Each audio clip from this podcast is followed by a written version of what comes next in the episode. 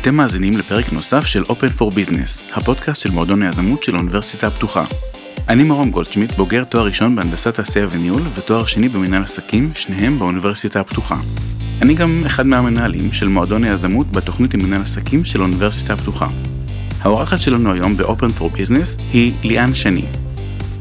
ליאן שני, בעלת למעלה מעשור של ניסיון בתחומי משאבי האנוש, קשרי לקוחות וגיוס, בשמונה השנים האחרונות מתמקדת בגיוס טכנולוגי, ובשנתיים האחרונות כעצמאית, עובדת כיועצת גיוס ומבצעת פרויקטים של גיוסים טכנולוגיים לחברות סטארט-אפ.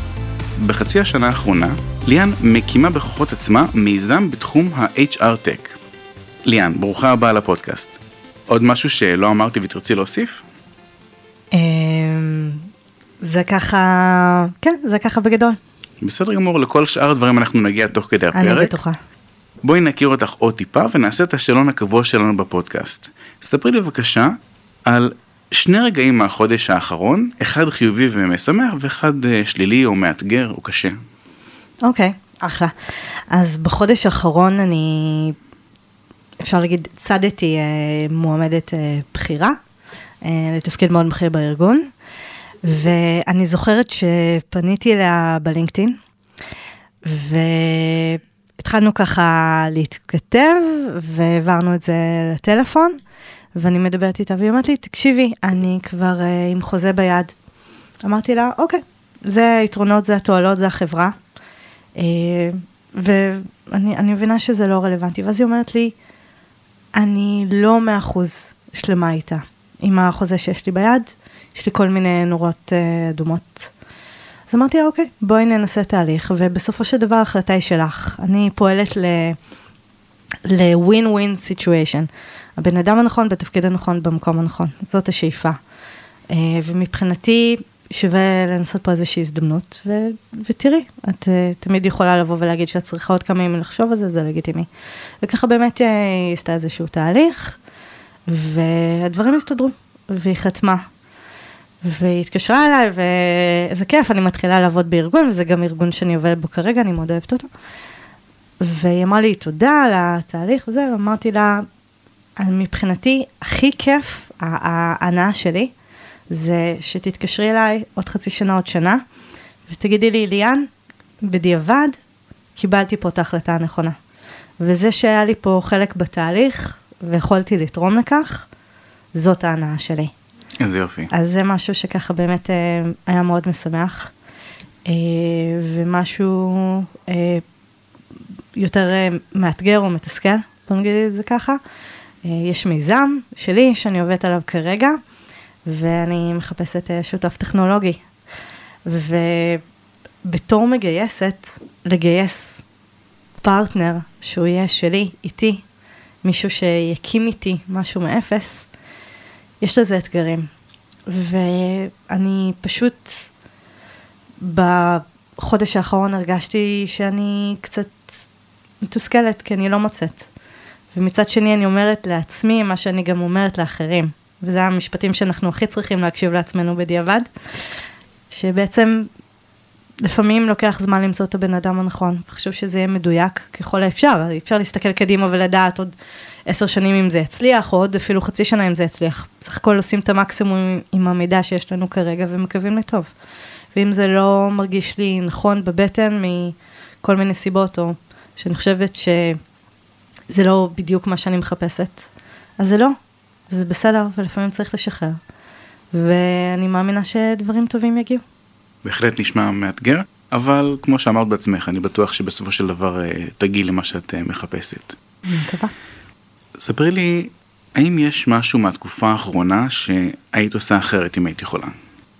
כן, אני חושבת שהייתי מאמינה בעצמי בשלב מוקדם יותר, באיזשהו מקום. כלומר, אני מניעה פה תהליכים ואני שומעת כל הזמן ממועמדים, מאנשים שאני מדברת איתם, כמה חשוב זה מה שאני מקימה כרגע. ו...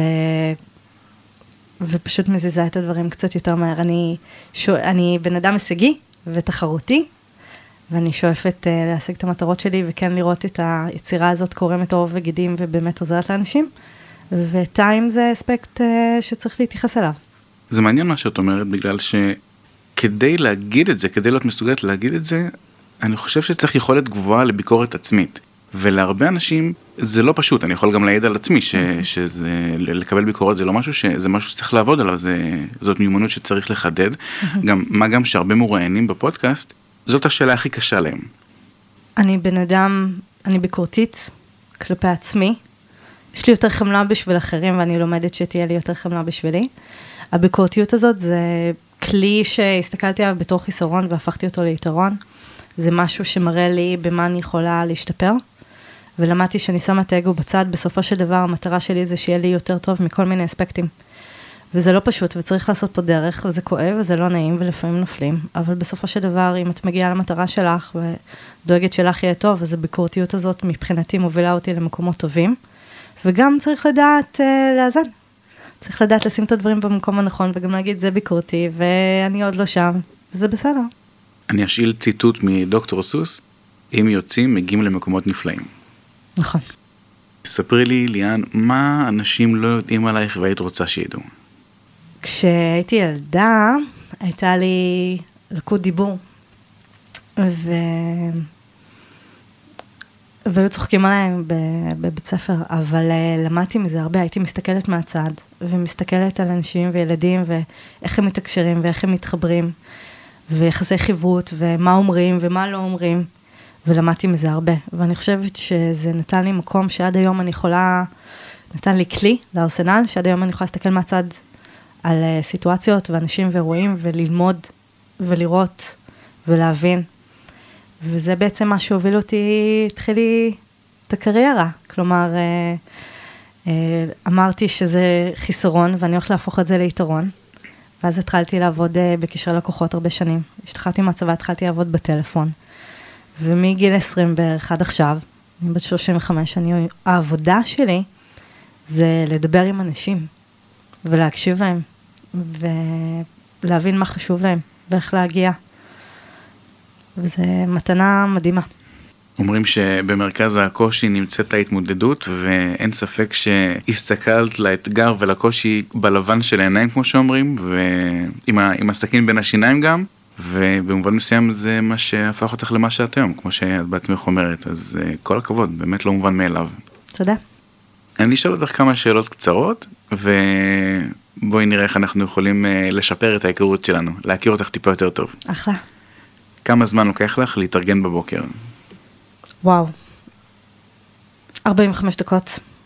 אני, את החצי שנה, חצי שעה הראשונה אני מבלה עם הכוס קפה ובבייה בערך, ואז המוח שלי ככה מתחיל להתאפס על עצמו, ומתארגנת, וברגע שאני ככה, הקפה מתחיל להשפיע, רבע שעה אני כבר בחוץ. אחלה. הטיפוס של בוקר או של לילה? אני טיפוס של לילה. אני מחשיבה את השעות הכי יצירתיות שלי בלילה. אה, יחד עם זאת, בשלוש שנים האחרונות עשיתי תהליך לשנות קצת את השעון הביולוגי שלי, כי העולם מתנהל בבוקר, והתחלתי לקום בשעות יותר מוקדמות, אבל הדיפולט שלי זה, זה לילה, לגמרי. אגב, גם אני, אני יותר אה, אאור, mm-hmm. או לא יודע, טווס לילה, יש פה ברקע טווסים. אה, טווסים כן. עושים לנו אחלה סרנדה מחוץ לחלון. כן, אה, יכול להיות שהם גם רוצים איזה פרק איתם, בהשתתפותם. כן, הם גם רוצים יחס. אני אמשיך את השאלות הזריזות, קיץ או חורף? חורף. גלידה וניל או שוקולד? שוקולד. כלבים או חתולים? חתולים. מקום בעולם לחופשה מושלמת? על החוף, מים טורקיז, חוף לבן וקוקטייל. אחלה, יש uh, לא מעט כאלה uh, בחופי הקריבים, אז אני יכול uh, לשלוח לך המלצות אחר כך. אוקיי, sold. מעולה. זה גם בעיתוי טוב שהשמיים כן, ככה כן, נפתחים. כן, בדיוק, אני אומרת, hmm, עכשיו זו הזדמנות טובה, כי אחר כך לא בטח, לך תדע מה יהיה אחר כך. כן, תכלס. ספרי לי במשפט אחד, מה שנקרא תקציר מנהלים או מנהלות, מי זו ליאן שני? ליאן שני היא אישה שאכפת לה מאנשים, רוצה לתרום, ותמיד מחפשת לשפר דברים ולממש את היצירתיות שלה בדרך שתגרום לכמה שיותר סיטואציות להיות חיוביות יותר. יפה. אז כמו שאומרים, נעים להכיר. נעים להכיר. אני אשמח אם תוכלי להרחיב מעט על הפעילות שלך בימים אלה, נגענו בזה קודם מעט. ספרי לי מה העסיק אותך בשנה האחרונה ומה נמצא בפוקוס שלך כרגע. התחלת uh, לאחרונה מקום עבודה חדש? כן, אני כבר uh, חודשיים וחצי עובדת בחברת סטארט-אפ בעולם המדיקל דווייס, שנקראת ארט מדיקל, חברה מדהימה, מוצר uh, שבאמת עוזר לאנשים. בשנה האחרונה אני עובדת כעצמאית, כרכזת גיוס טכנולוגית בארגונים. בעצם אני מתמחה בגיוס לכלל התפקידים, בהתמחות ב-R&D, החל ממפתח זוטר וכאלה בתפקיד בכיר, ואני גם מנוסה בגיוס תפקידי לוויין. המטרה שלי זה בעצם להיות one stop shop, אם ארגון מגייס צריך עזרה, אז שאני אוכל לתת מענה בכל העולמות. עכשיו אני גם uh, לומדת מעבר לעולם התוכנה את עולם החומה, שזה כיף, זה מאתגר. ואני תמיד מאמינה שאפשר אה, להכניס, בכל הזדמנות אפשר ללמוד עוד משהו, ובסופו של דבר השאיפה היא שארסנל הכלים שיש לך, uh, שיש לך, יוכל לתת מענה לכמה שיותר דברים. מעולה. לפני שניגש לחלק העיקרי של הפרק. אולי זאת נקודה טובה להתחיל עם אה, מושגים, להסביר מושגים. Mm-hmm. עולם התוכן של הפרק שלנו היום הוא משאבי אנוש, וגם ניגע בעולם של HR Tech, זאת אומרת מיזמים בתחום משאבי האנוש שמשלבים גם טכנולוגיה וחדשנות. מה זה HR? אני אסביר, אני רק רגע רוצה לחדד. Uh, HR Tech זה עולם משאבי אנוש, זה uh, איך בעצם לטפל במשאב האנושי, באנשים, איך להתייחס אליהם. בתוך הארגון. אה, חלק ממנו זה עולם הגיוס, שזה העולם שאני מתמחה בו. גיוס זה בעיקר להביא אנשים לתוך הארגון אה, ולדאוג שחוויית המועמד, שחוויית תהליך הגיוס וחוויית הקליטה שלהם תהיה כמה שיותר מוצלחת. ואז אה, ככה באמת לטפל בהם ולדאוג להם שהם נכנסים לארגון. משאבי אנוש זה ראייה קצת יותר רחבה. אה, מנהלת משאבי אנוש בדרך כלל עושה רעיונות אה, להבין את ההתאמה התרבותית, החברתית, ה culture, שיש פה good fit, אה, דואגת ל, לרווחה, לפיתוח מנהלים, נמצאת בישיבות של board, עושה תוכנית גיוס שנתית, התחומי האחריות שלה הם בראייה יותר מקרו, ראייה יותר רחבה, וגיוס זה יותר להיות מחוברת למועמדים מצד אחד שהם מחוץ לארגון, לעובדים בתוך הארגון מצד שני, כלומר למנהלים המגייסים, מה הם חושבים, מה הם צריכים, ולעשות את ה... מצד אחד להביא את המועמדים ולעשות את המאץ' הזה. מהצד זה יכול להישמע כמו more of the same, חברת גיוס, חברת השמה, outsource, כוח אדם, כל הדברים האלה נשמעים אותו דבר. אולי נעשה טיפה סדר בבלאגן? כן, אה, אני אגיד את דעתי, כי יש עדיין אה, דעות לכאן או לכאן. יש אדנטר ש... או אדנטרית שתפקידם להביא מועמדים, עובדים פוטנציאליים ממגוון רחב של תפקידים למגוון רחב של חברות. אה, על אותו משקל יש את החברת השמה שעובדת מול מספר לקוחות, ארגונים, פרטנרים, ומביאה מצד שני את המועמדים. יש סורסרית או סורסר, שהם יושבים בתוך הארגון ומביאים לאותו ארגון ספציפי מועמדים מבחוץ עם כל מיני כלים טכנולוגיים כאלה ואחרים. יש מגייסת שהיא או הוא בעצם מנהלים את תהליך הגיוס וחוויית המועמד, כי זה חוויה בפני עצמה. הדרך שאותו בן אדם עובד, עובר מהרגע שהוא אה, מגיע לאיזושהי נקודת התממשקות ראשונית עם הארגון ועד שהוא חותם בארגון, ובחלק מה, מהארגונים אפילו אחרי לדאוג לו ל onboarding, איך הוא נכנס, איך הוא מתאקלם וכן הלאה. אה, ומנהלת משאבי אנוש, זאת אה, מה שנקרא, אפשר להגיד, האימא והאבא, והזאתי ש...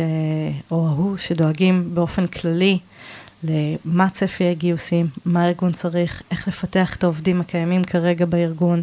זה תחומי אחריות מאוד מאוד נרחבים לכל אחד מהם. אחלה, החכמתי. אני חושבת שאחד מהאתגרים שכרגע, שני אתגרים עיקריים שכרגע יש למגייסים, אחד למגייסים ומגייסות בכלליות, בדרך כלל בן אדם שמגיע לגיוס הוא לא בהכרח מפתח, הוא לא בהכרח uh, טכני, היא לא טכנית. וזה מאתגר, לדבר באותה שפה ולמשוך מישהו כשאת מגיעה מעולם תוכן שהוא מאוד מאוד אחר. זה אחד מהאתגרים. לפעמים מפתחים מרגישים, או אנשי הייטק מרגישים, שהמגייסים לא מבינים אותם ולא מדברים איתם באותה שפה. אפשר לראות את זה בהרבה מאוד uh, פוסטים uh, שיש בחודשים האחרונים בצורות בהייטק. והמגייסים מעצמם רוצים להביא את המועמדים, את הבני האדם הכי טובים לארגון שהם יכולים, והם לא מדברים לרוב באותה שפה, או לפעמים באותה שפה, וזה קשה. זה אחד. שתיים, זה מיתוג מעסיק. אנחנו רואים בחודשים האחרונים מבול של אה, IPOs והנפקות ואקזיטים, ויש חברות שגייסו הרבה מאוד כסף בתעשייה, חברות גדולות, מוכרות, חזקות, שרוצות לגייס, ומצד שני, יש לא מעט uh, סטארט-אפים שלא יודעים איך להתבלט. כלומר, הם רוצים לגייס אנשים, אבל זה קשה שאף אחד לא שמע עליך. אין לך את התקציבים, אין לך את המשרדים היפים, או לחלופין, עבודה מהבית, את כל הפינוקים ששולחים הביתה היום, זה פחות במשרדים היפים. ויש אתגר איך למצוא את העובדים הכי טובים, כשאתה מרגיש שאתה בנחיתות שא', אף אחד לא שמע עליך, וב', אתה לא יכול להתחרות בענקיות האלה. אז זה שני מתחים שאני רואה הרבה שקיימים אצלנו בתעשייה. אוקיי. Okay. שאלה קשורה ולא קשורה, דיברנו קודם על, על הז'רגון ו... ועל כל מיני מינוחים והבדלים ביניהם. מעניין אותי לשמוע מה את חושבת על השינוי שאני רואה לפחות בשנה האחרונה בטרמינולוגיה, שסמנכ"לית משאבי אנוש היא כבר לא HR, היא כבר VP People, סמנכ"לית אנשים. HR Business Partner.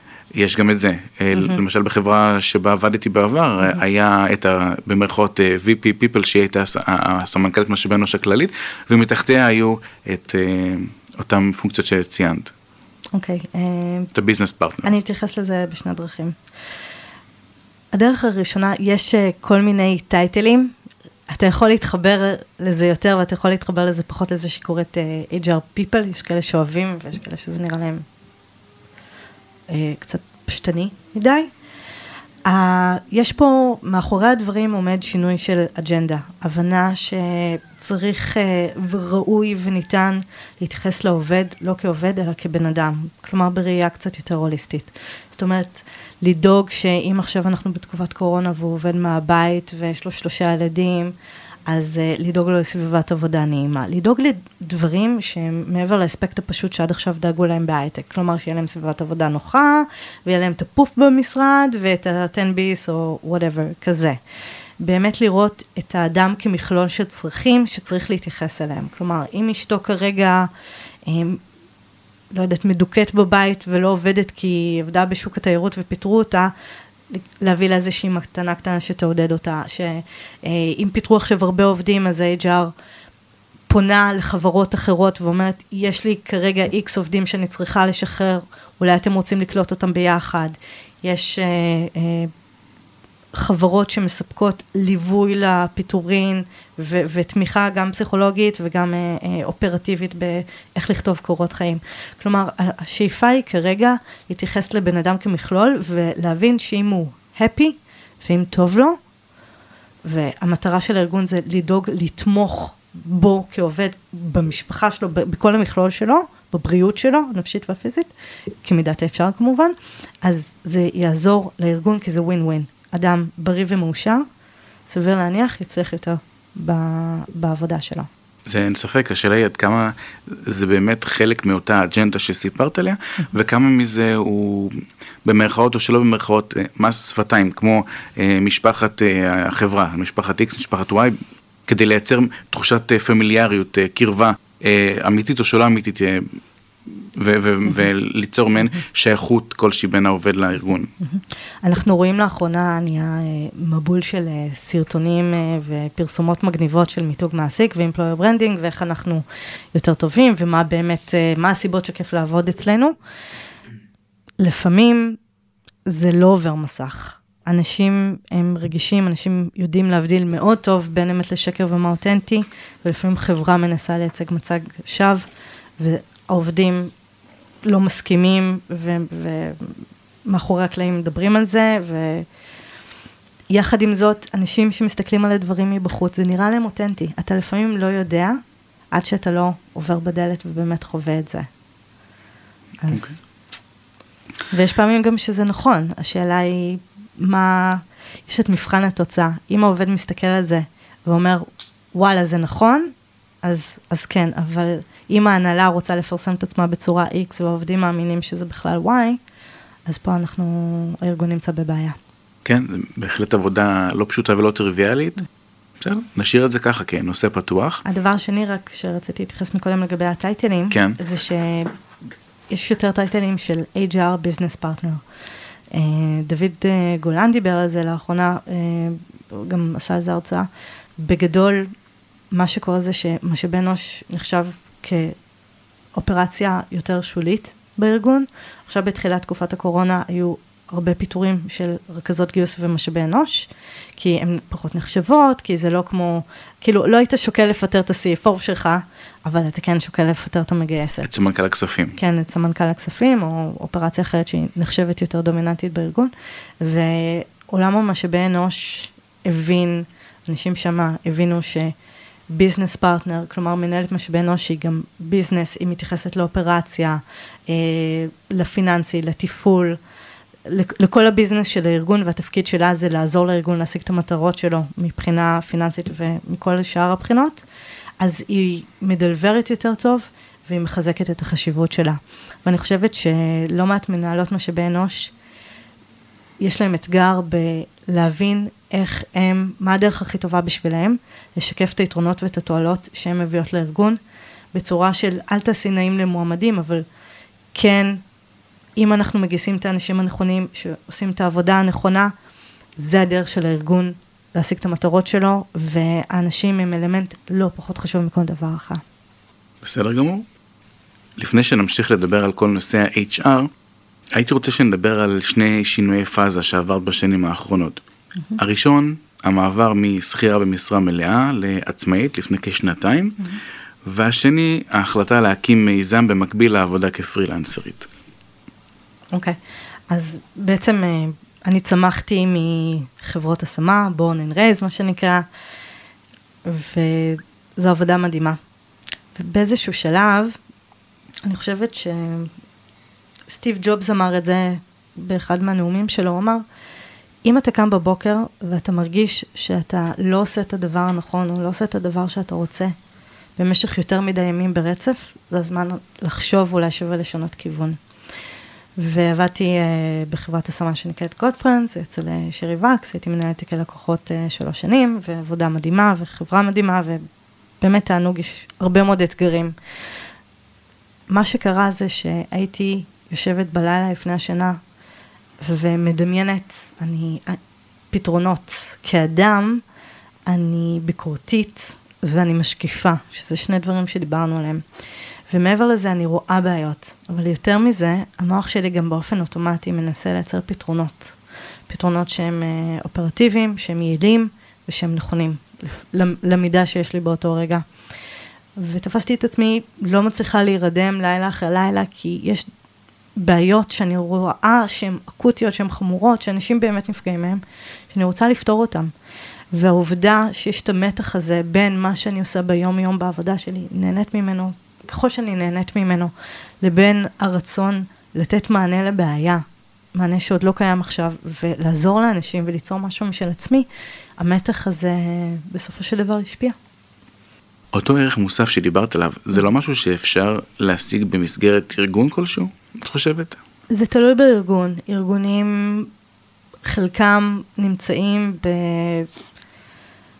בחוויה של תחרות, בחוויה של, אה, יש הרבה שריפות לכבות ותמיד שואפים להתקדם.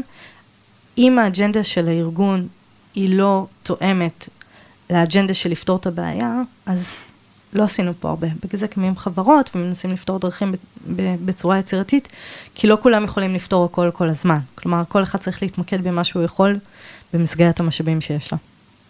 אוקיי, okay, אז זה מסביר למה החלטת לעבוד כפרילנסרית לאחר העבודה כשכירה, ועבדת אה, בשנתיים האחרונות, שנה וחצי האחרונות כעצמאית.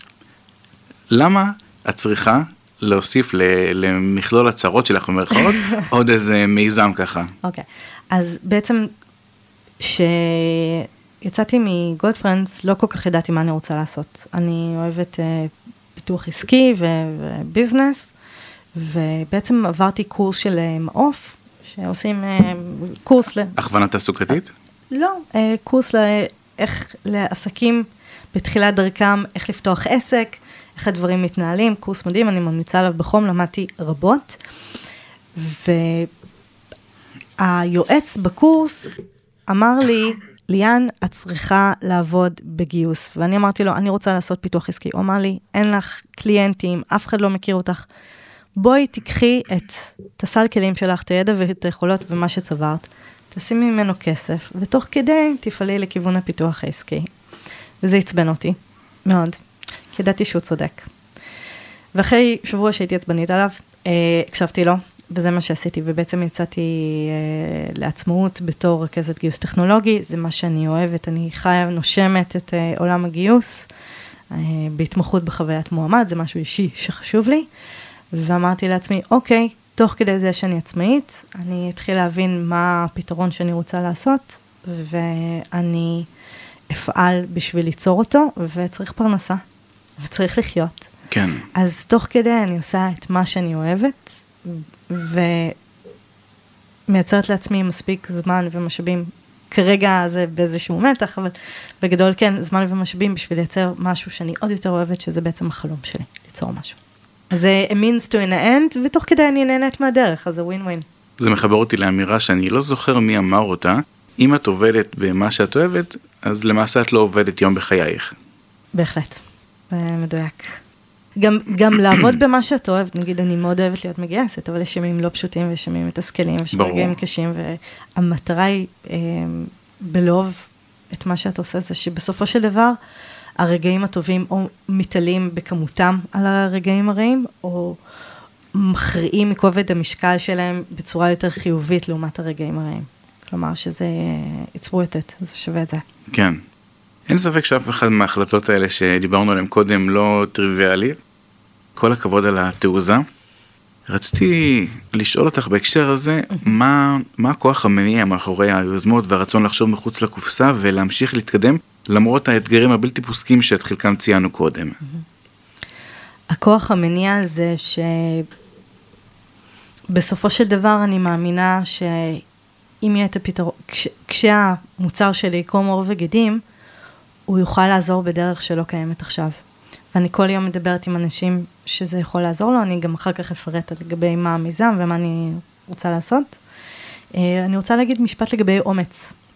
סיימון סיניק אומר, אה, באחד מההרצאות שלו, הוא מספר על אה, הקורבט בקרקס שקופץ בין ה... זה למעלה, וזה נראה לנו מהקהל מאוד מאוד מיץ. והסיבה שהוא עושה את זה, שהוא מצליח לעשות את זה, זה כי מתחתיו יש רשת ביטחון.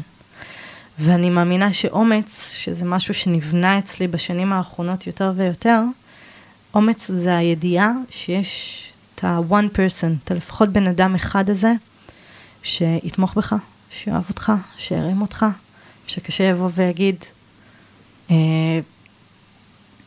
אני, נגיד, בת זוג שלי אומרת לי, אני אשתי לעתיד, אומרת לי, אני מאמינה בך, ואני מאמינה שאת מסוגלת, אז נכון קשה ונכון מתסכל, אבל את רוצה ליצור את זה? כן. את מאמינה שזה יתרום? כן. אז אני מאמינה בך שתצליחי להשיג את זה. והאומץ הזה, זה, זה בעיקר האנשים שתומכים בנו. ככה אני רואה את זה. אין ספק, וזה כיף לשמוע. אין ספק שתמיכה זה משהו uh, מאוד חשוב ולא מובן מאליו, ואני מאוד שמח בשבילך שיש לך את ה... that special someone in your life. רציתי לשאול אותה... גם המשפחה שלי כמובן. ברור. זה... הם היו שם לפניה, עדיין. כן. בהקשר של המיזם שציינת קודם, אני אשמח אם תוכלי לספר עליו ממש במשפט, כי אנחנו לקראת סיום, ואולי תוכלי להתחיל בהסבר על דווקא לא מהמיזם אלא ממך, מה מייחד אותך בתחום, בואי נגיד, של ה-HR Tech, מה, מה את מביאה לשולחן, כמו שאומרים. אני מקשיבה טוב. לפחות אני רואה את עצמי כבן אדם שמקשיב טוב. אני הרבה שנים בין מועמדים שהם אנשים שלפעמים קשה להם ו- וכואב להם, והם משתפים אותי. זכיתי שהם ישתפו אותי. גם לקבל מידע מאנשים זה לא ברור מאליו. אה, וגם מצד ארגונים, שאני שומעת מה הקשיים, מה-CTO, מה-Founder, מה-HR, מה-מגייסת. ואני בתווך, ואני מדברת עם כולם, וזה מאפשר לי נקודת מבט ייחודית של להבין מה הכשלים העיקריים, ולהבין מה אפשר, כדאי ורצוי בשביל, אה, בשביל לפתור, בשביל לקדם, בשביל לייצר פה ערך. אז בעצם המוצר שלי מאפשר שקיפות דו-כיוונית בין ארגון לבין מועמד בתהליך הגיוס. אני כל יום מדברת עם חבר'ה חמודים שרוצים להתקבל לחברות, ואומרים לי, דיברתי עם אייל, והוא אומר לי, תקשיבי ליאן, אני, אני לא יודע מה לעשות. אני כבר ארבע חברות שמאוד רציתי להתקבל אליהן, ואני לא מתקבל. אני לא מצליח. אני לא מבין למה. אני לא יודע מה אני עושה לא בסדר. זו תחושה מאוד מאתגרת, כי במקרה הטוב אתה מקבל אימייל גנרי של תודה אבל לא תודה, אבל אין לך שום דבר, את, אין לך מידע בשביל להבין איך להשתפר לאבא, ואנשים רוצים להשתפר. ומצד שני, הארגון מגייס כל כך הרבה מועמדים, ויש כל כך הרבה תהליכים, אין לו באמת דרך לנהל את הדאטה הזה, ולהבין בצורה אמיתית ואותנטית מה אנשים חושבים. אהבת, לא אהבת. לפעמים בן אדם לא עבר, הייתה לו חוויית גיוס לא טובה. הוא לא ירצה לבוא ולהגיד, תקשיבו, אני חושב שא', ב', ג', אתם צריכים לשפר. והניגודים האלה בין הצדדים מייצרים פה איזשהו מתח ששני הצדדים מפסידים. אני בהחלט מבין את האינטרס של המועמד להבין כדי לשפר את עצמו ולהתייעל בחיפושים הבאים, אבל מה האינסנטיב, מה התמריץ של החברה? זה מחזיר אותנו לתחילת השיחה שלנו. יש עשרות של חברות שהן לא מוכרות, לא ממותגות, לא עשירות. הסל כלים שיש להם להציע למועמד הוא לא גדול, והתחרות על מועמדים היא גדולה. אנחנו רואים את זה בעיקר עכשיו בתקופה של הקורונה. כלומר, אם אתה, חוויית הגיוס והחוויה שאתה מייצר אצל בן אדם בשביל למשוך אותו אליך ולגרום לו להבין מה היתרונות והתועלות שלך, זה משמעותי. ואם אתה לא יודע מה אתה עושה לו בסדר, גם בארגונים גדולים אגב, אז איך אתה תדע להשתפר? כן. צריך פה הנגשה של ידע, והידע הזה זה משהו שגם לי, לחברות קשה להעביר, למה באמת הבן אדם לא עבר, וגם למועמדים. כלומר, אה, לא בא להם. ואני מבינה את זה. כן, בהחלט נקודה מעניינת, ואני מקווה שתצליחי לגרום לזה לקרות. תודה. הגענו לסיום הפרק. so soon. כן, האמת שגם לי עבר מהר. כן. אבל uh, בסדר, כל דבר צריך להסתיים. יכול להיות שנמשיך בהזדמנות אחרת ובעונה הבאה. נביא אותך שוב לדבר על uh, תובנות מהמיזם. אני אשמח. מקווה שתמצאי uh, סמנכ"ל טכנולוגיות, מה שנקרא, איכותי, ו... שיהיה good match, good match. שיהיה good match ושיעזור לך uh, לממש ולהגשים את כל מה שדיברנו עליו היום בפרק. היה לי ממש כיף לארח אותך פה, תודה רבה שבאת. תודה שהוזמנתי, באמת uh, חוויה כיפית ומיוחדת, ותודה. שמחתי, היה מאוד כיף, ושוב, שיהיה המון בהצלחה. תודה רבה. תודה ליאן. נשמח לשמוע מה חשבתם על הפרק. יש משהו שהייתם רוצים לשאול את ליאן ולא שאלתי? נושאים נוספים שהייתם רוצים לשמוע בפרק? ספרו לנו בקבוצת הפייסבוק שלנו, מועדון היזמות של האוניברסיטה הפתוחה, הקבוצה. לינק לקבוצה נמצא בתיאור הפרק. אתם האזנתם לפרק נוסף של Open for Business. הפרק הוקלט באולפני האוניברסיטה הפתוחה בכפר הירוק. על הסאונד, אורי דגני. תודה ונשתמע בפרק הבא.